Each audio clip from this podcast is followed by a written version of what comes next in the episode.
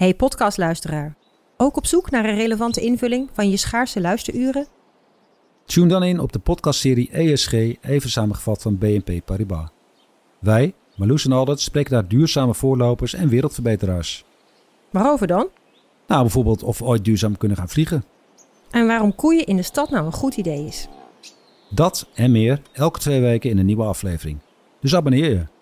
ESG, even samengevat. Ik ben al jaren ondernemer, maar waar moet ik eigenlijk allemaal aan denken nu ik voor het eerst personeel wil aannemen, voor het eerst ga importeren of voor het eerst een bedrijfslocatie zoek? Weet wat je wel of niet moet doen bij zaken die je voor het eerst oppakt. Check kvk.nl voor praktische stappenplannen. KVK, hou vast voor ondernemers.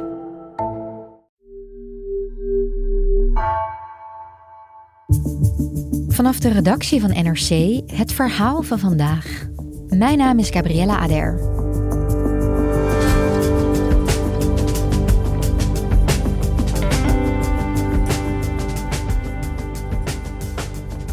De extreemrechtse politicus Javier Milei wordt aankomende zondag geïnaugureerd als nieuwe president van Argentinië. El Loco wordt hij ook wel genoemd, oftewel de gek. Correspondent Nina Jurna ziet een land in zware armoede. Waarom heeft de Argentijnse bevolking haar hoop juist op hem gevestigd?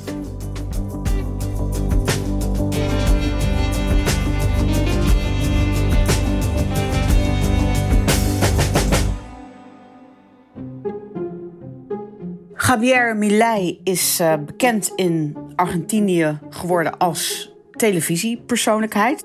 Altijd aan de talkshowtafels wordt hij uitgenodigd. Hij is uh, econoom, maar wel met echt radicale, kapitalistische, zeg maar neoliberale ideeën. En uh, je weet, als je hem uitnodigt, dat optreden, dat heeft dan de headlines de volgende dag in de media. Nombre Javier Gerardo Milei. Aplauso, mira. El Papa, sí, lo voy a decir de frente, es el representante del maligno en la tierra, ocupando el trono de la casa de Dios. ¿Te das cuenta que son un conjunto de delincuentes hijos de p***? Milei is iemand die uh, bekend staat ook als een heel ja, beetje spiritueel persoon. Hij is enorme hondengek. Zijn eigen honden heeft hij laten klonen, is bekend. En dan vooral ook zijn lievelingshond Conan, die hij heel vaak ook aanhaalt. En hij zegt ook van ja, ik spreek nog steeds met mijn hond Conan via een medium. En, en, en Conan adviseert me. Hij heeft um, de honden ook vernoemd naar bijvoorbeeld uh, de bekende econoom Friedman. Dat is ook een, een van zijn grote voorbeelden. Bien, bien. Es un buen trabajo para usted. Vamos a ver el nombre. El de Rosa es Milton por Milton Friedman. Ay, Milton. Ah, Milton. Ja, dus dit is een beetje het, het profiel van Milei. En twee jaar geleden besloot uh, Milei de politiek in te gaan. En hij uh, sloot zich dus aan bij de Libertijnse Partij. Hij is echt een aanhanger van het uh, libertarisme. Hij He, totale vrijheid in alles. Op het gebied van economie. Hij heeft dus ook een, een, een slogan. Viva la libertad, carajo. Así que que les mando un abrazo grande y como corresponde. Viva la libertad, carajo! Vrij vertaald, uh, leven de vrijheid, uh, klootzakken. Toen hij zich vervolgens ook kandidaat stelde voor het presidentschap... toen kwam er een hele batterij aan, aan nou ja, campagneleiders om hem heen om daar een hele slimme campagne eigenlijk te starten. Coming from the far right, Javier Milei says he'll bring a chainsaw to the economy. In fact, he brought a chainsaw to many of his campaign rallies as a prop. Een make-up artiest, een, een, vrouw die zich uh, over zijn uh, image ging uh, buigen. zijn bakkenbaarden liet hij staan. Een leren jas kreeg hij aan. zijn haar verward. Dat moest dan een beetje de verwarde wiskundige voorstellen. En de leren jack, uh, een beetje het rockstar-imago. Overigens heeft hij ook uh, ooit ook nog in een uh, coverband gespeeld. En hij kreeg ook al heel snel de bijnaam El Peluca, de pruik. En dat werd dus helemaal om hem heen, werd dat image ja, geschapen. Eerder dit jaar, toen ik aankwam in Argentinië... ik had nog nooit eerder van die man gehoord toen dacht ik van... hé, hey, dit doet me wel heel erg denken aan Bolsonaro... de ex-president van Brazilië... die ook uit niets ineens boven kwam drijven. En toen dacht ik al van... het zou me niets verbazen als deze man president kan worden. Parece que sí. Buenas noches a todos los argentinos de bien, porque hoy comienza la reconstrucción de Argentina. En uiteindelijk heeft dat ertoe geleid dat Milei met een ruime meerderheid van uh, 56% van de stemmen gewonnen heeft en uh, de nieuwe president van Argentinië is geworden. Janina, je voelt eh, de vraag natuurlijk al aankomen, want waarom hebben zoveel Argentijnen dan gestemd op deze man? Hè? Ik bedoel, hij zit ook nog maar heel kort in de politiek.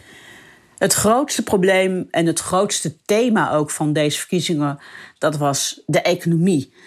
Het gaat al heel lang heel slecht in Argentinië, maar ik denk dat het de laatste pakweg twee jaar wel echt heel erg uh, is ingestort, die economie. Ik kom al vrij lang in Argentinië en ik zie ook steeds dat land verder afglijden. Het was ooit een van de rijkste landen van Zuid-Amerika. Dat zie je ook heel goed terug in een stad als Buenos Aires, de hoofdstad. Een prachtige stad met statige gebouwen. Maar als je daar nu rondloopt, zie je gewoon de zwervers op straat. Het zijn gewoon gezinnen die niet, uh, gewoon geen geld meer hebben, die gewoon de huishuur niet meer kunnen betalen.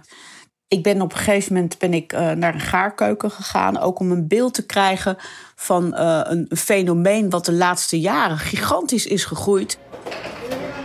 Zo'n gaarkeuken dan moet je je voorstellen, dat is een uh, ruimte waar dan tafels staan. Waar mensen zowel s ochtends kunnen ontbijten, s middags kunnen lunchen en s avonds kunnen eten. En dat wordt in de keukens wordt daar door vrijwilligers dan gekookt. En uh, ik sprak daar met een uh, vrouw, Analia. ze was daar met haar dochter en ze vertelde dat ze daar drie keer per dag komt om te eten. En dat ze dat doet omdat ze zelf geen eten meer kan betalen. El pollo está 4000. En als ze dat zelf moest betalen, zou ze zeker niet drie keer per dag kunnen eten. En um, nou ja, ze was rijst met kip aan het eten en uh, ze was er echt aan het genieten. Ah, muy rica, muy completa. Ja, es arroz, eh, guiso de arroz con pollo. Y bueno, obvio, verduras, tiene todo.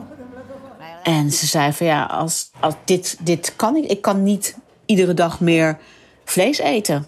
Hè, dat is natuurlijk toch een, een cultuur, ook uh, in Zuid-Amerika, waar je, uh, ja, waar je kip, vlees, ja, vlees eet. En als je dat niet meer kunt betalen, ja, dan heb je het wel heel slecht. En uh, ja, ze zei van, nou, dat lukt me gewoon niet meer. Het land heeft een inflatie van meer dan 140 procent. 40 procent van de mensen leeft in armoede. En ja, zij vertelde ook aan mij dat er steeds meer mensen in die gaarkeukens komen, ook uit andere wijken. Antes venía gente del barrio, ahora vienen de todos los barrios. No le alcanza a veces a Margarita para solventar a los otra gente. Dus dat is echt heel veelzeggend over ja, de, de, de wanhoop die er is op dit moment in Argentinië. Ja, 140% inflatie. Ja, ik kan me daar gewoon niet eens wat bij voorstellen. Ja, daardoor kan het gewoon zijn dat als jij uh, s ochtends uh, iets koopt, dat het uh, s'avonds weer een andere prijs heeft. Maar die lonen blijven dus wel gelijk. Dus ja, de Argentijnen zijn, zijn enorm arm geworden. Ja, afschuwelijk. Hoe, hoe kan het eigenlijk dat Argentinië nu in deze economische crisis is beland? Ja, dat is een, uh, een, een verhaal wat langer teruggaat. Er is een grote bankcrisis geweest in 2001, toen de banken over de kop gingen. En mensen die hun spaargeld daar hadden, die waren alles kwijt. En toen is het IMF is ingeschakeld. En toen heeft uh, Argentinië een enorme lening van uh, 40 miljard euro omgerekend uh, gekregen. En nou ja, schulden die kunnen dan niet betaald worden. Uh, de, de, centrale bank die kan de waarde niet meer dekken omdat er de geldpers blijft maar aanstaan. Dat is echt gebeurd. En het is een, een soort visieuze cirkel waar het land in terecht is gekomen van een nou ja, slecht beleid met heel veel uitgaves een populistisch beleid. Want de politiek in uh, Argentinië die uh, wordt gevormd in de basis door het, wat je noemt het peronisme. Het peronisme, dat is een, um, ja, een links-populistische stroming En het komt eigenlijk uit de tijd van Perón. Maar hij is bekend eigenlijk meer, ook in het buitenland, vanwege zijn vrouw Evita. Dat werd een soort volksheldin. Dat zit wel in het DNA van, van de Argentijn eigenlijk. Anti-westers. En je moet je voorstellen, het was ook in de tijd dat Amerika in de achtertuin van Amerika, Zuid-Amerika, Latijns-Amerika, bezig was om invloed uit te oefenen. En toen kwam deze stroming op als een soort uh, populistische nationale beweging. Maar het is een heel corruptieve, zeker de laatste jaren. Toen ook um, uh, Christina Kirchner aan de macht kwam. Zij is betrokken geraakt bij grote corruptieschandalen. En dat gold eigenlijk voor, voor meerdere kopstukken in die regering. En dat heeft dus ook echt een smet op de Peronistische regering gelegd. Waardoor heel veel mensen ook zoiets hadden: ja, wij moeten het over een hele andere boeg gooien. Het, het Peronisme, dat, dat leek voor mij altijd heel sociaal, hè? Dat is het ook. Het is ook sociaal. Alleen een sociaal beleid is ook vaak gericht op mensen en groepen aan je binden eh, door ze afhankelijk van je te maken. Met subsidies, met pakketten. Zelfs ook de gaarkeukens is eigenlijk ook zo'n vorm daarvan. Maar het betekent niet direct dat je meer werkgelegenheid creëert. Of dat je een gezondere economie creëert. Ik sprak ook een, een, een taxichauffeur die zei tegen mij van... ik hoef helemaal geen pakket. Ik wil gewoon dat mijn munt een goede waarde heeft. Zodat als ik hard werk, dat ik vooruit kom. Dat is wat ik wil. Ja, en, en waar precies staat uh, Javier Milei dan op het politieke spectrum? Nou, hij noemt zichzelf bijvoorbeeld een, een anarcho-kapitalist. een, een, anarchistische uh, kapitalist eigenlijk. En dat is denk ik ook zeker vergeleken met de regering die er dus jarenlang heeft gezeten in Argentinië. Zou ik hem dus uh, ja, het ultra-rechts ultra -rechts noemen, denk ik. Als 56% van de bevolking op uh, Milei heeft gestemd, dan is dat wel echt een gigantische switch hè, van het uh, peronisme. Zeker. Alleen het is vooral een tegenstem. Uit wantrouwen tegen de huidige leiders, tegen de huidige regering. Het is niet zo, naar mijn idee, dat de Argentijnen ineens heel radicaal of ultra-rechts geworden zijn. Maar ze wilden gewoon vooral iemand die niks te maken heeft met de gevestigde macht, want daar hebben ze geen vertrouwen meer in. Ik denk ook dat uh, het meespeelt dat Milei een economische achtergrond heeft en dat veel van zijn ideeën dus ook op de economie betrekking hebben en die wanhoop zo ontzettend hoog is bij de mensen. En dat al die andere uh, ja, hele extreme ideeën, ja, dan hebben ze zoiets van, nou ja, goed, dat zal wel. Erger dan dat we nu hebben, dat kan echt niet. Ja, want als we kijken naar de campagne van, uh, van Javier Milei, wat belooft hij? Nou, allereerst belooft hij dat uh, die enorme uitgaves die er afgelopen jaren zijn gedaan door de regering, dat het daarmee is afgelopen. Er is ook een filmpje waarbij hij alle ministeries op een rij en dan roept hij van. Uh, dat wordt uh, gesloten, eruit. Ministerio de Trabajo, Empleo y Seguridad Social, afuera.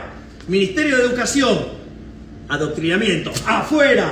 Ministerio de Obras Públicas, afuera! Dat geld is dan over voor andere dingen. Want dat zijn alleen maar uh, geldverslindende en onzinnige ministeries, zegt hij. Nou, dan uh, centrale bank wil hij uh, sluiten. Daar heeft hij ook, dat vindt hij allemaal ook misdadigers. Hij zegt van wij moeten gewoon dollar hebben. Dus dat is enorm aangeslagen. En de gemiddelde Argentijn denkt echt van... wauw, we gaan dollars verdienen. Zo werkt het natuurlijk niet.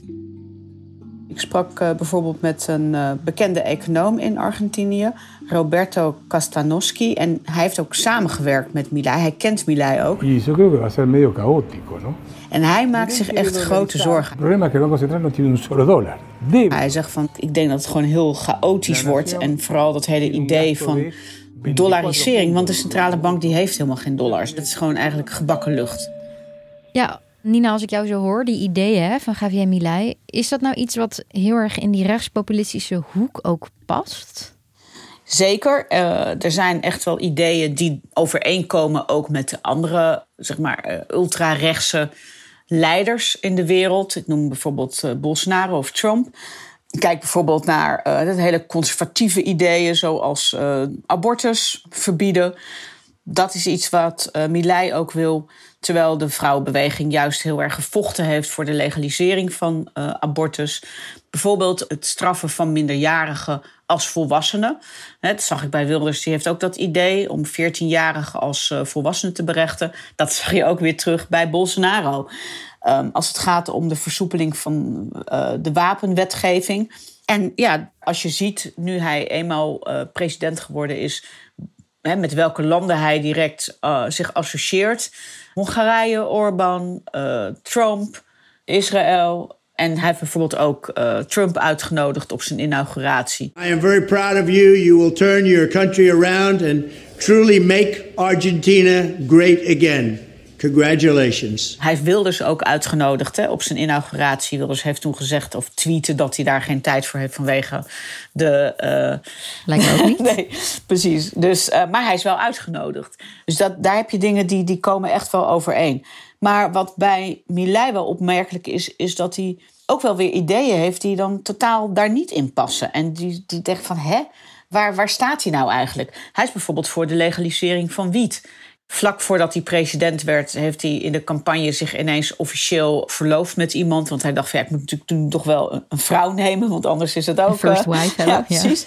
Maar voor die tijd. Uh, ja, uh, was hij ook een tantra-sekscoach, de, de, de, vrije seks. Dus dat, dat past dan niet in dat conservatieve beeld eigenlijk. Wat hem ook wel weer ongrijpbaar maakt. En hoe kijken dan de tegenstanders van Mileider naar? Ik, ik zou er een beetje onheimisch van worden, moet ik zeggen. Nou, dat is echt uh, zeker aan de hand. En ook zeker in de regio, waar we natuurlijk ook uh, vier jaar uh, net Bolsonaro achter de rug hebben. Dat mensen denken van ja, dan krijgen we nu Milei, die eigenlijk zelfs volgens de experts misschien nog wel gevaarlijker is. Zijn bijnaam is bijvoorbeeld El Loco, de gek. Zijn biografie, dat boek heet ook El Loco, de gek. Waarin de schrijver, die heeft zich echt verdiept in Milei. En die... Um, ook eigenlijk het beeld schetst van iemand die vroeger als kind heel erg gepest werd. Uh, en ja, eigenlijk vanuit een soort trauma nu in het machtscentrum is. En een ongeleid projectiel, zo wordt hij ook uh, beschreven in dat boek. Iemand die ook echt wel uh, geestelijk ja, labiel kan zijn. Echt zo'n verwilderde blik in zijn ogen en heel raar reageren. Heel echt schreeuwen en de vraag wordt gesteld: is hij eigenlijk wel mentaal gezond? En je ziet ook dat uh, hij, uh, nadat hij verkiezingen had gewonnen, is hij naar Amerika gegaan. Ik vertelde al, het is iemand die ook heel zoekende is, spiritueel. En hij heeft zich toen tot het Jodendom laten bekeren. Onlangs dus. Onlangs, ja. In, in, een paar weken tijd. Ja, maar het zeg maar officiële bekeringsmoment. Dat is dus onlangs geweest in Amerika. Dat is dus ook uh, nou, helemaal uh, in, in, de, in de media was dat groot nieuws. Uh, hij was ook heel emotioneel, hij moest ook huilen. Maar ja, de, de critici die stellen zich dan de vraag van... Ja, is hij dan wel eigenlijk sterk genoeg als hij daar hè, op dat vlak ook zo zoekende is om, om president te zijn? Ja, hoe stabiel ben je als leider Precies. van een land? Ja. Ja, nu gaat hij geïnaugureerd worden zondag. Het gaat toch echt gebeuren. Wat, wat denk je dat het gaat betekenen voor Argentinië? Als Milei alles wat hij zegt gaat doen, dan denk ik dat het een heel geïsoleerd land gaat worden, Argentinië. Milei heeft gezegd dat hij de banden met uh, het communistische China wil verbreken. China is de grootste afnemer van soja, van lithium en noem het maar op, van de grondstoffen. Hij heeft gezegd dat hij niks meer met uh, het Brazilië van Lula te maken wil hebben. Dat is het grootste buurland. Milei zegt nu al van ik ga vooral zaken doen met Hongarije, Israël en als Trump weer aan de macht komt met Amerika. Maar in, in het land zelf, ja, wat gaat er gebeuren als hij al die radicale ideeën wil doorvoeren, maar gaat het hem ook lukken? En, en als die 140% inflatie blijft stijgen, dan vraag ik me af hoeveel geduld de mensen zullen hebben. Want het is echt vijf voor twaalf in Argentinië. Er moet daar echt een substantiële verbetering van de economie komen. En de verwachtingen zijn enorm hoog in Milei. Als hij dat niet kan waarmaken. Ik ken de Argentijnen, die gaan echt heel snel de straat op. Veel sneller dan bijvoorbeeld de Brazilianen. Dat zit ook in hun DNA. Dus hij zal echt dit jaar, in, of 2024, wordt heel belangrijk. Want ze hebben hem met heel veel... Ja, ze hebben een, een enorm risico, zou ik zeggen... ook genomen door op een outsider te stemmen. Dat is niet voor niets geweest, maar hij moet het wel gaan waarmaken. Nou, we gaan het zien. Dankjewel, Nina. Graag gedaan.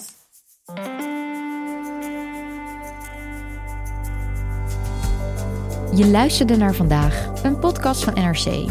Eén verhaal, elke dag. Deze aflevering werd gemaakt door Esmee Dirks en Bas van Win. Coördinatie door Henk Ruigrok van de Werven. Dit was vandaag, maandag weer.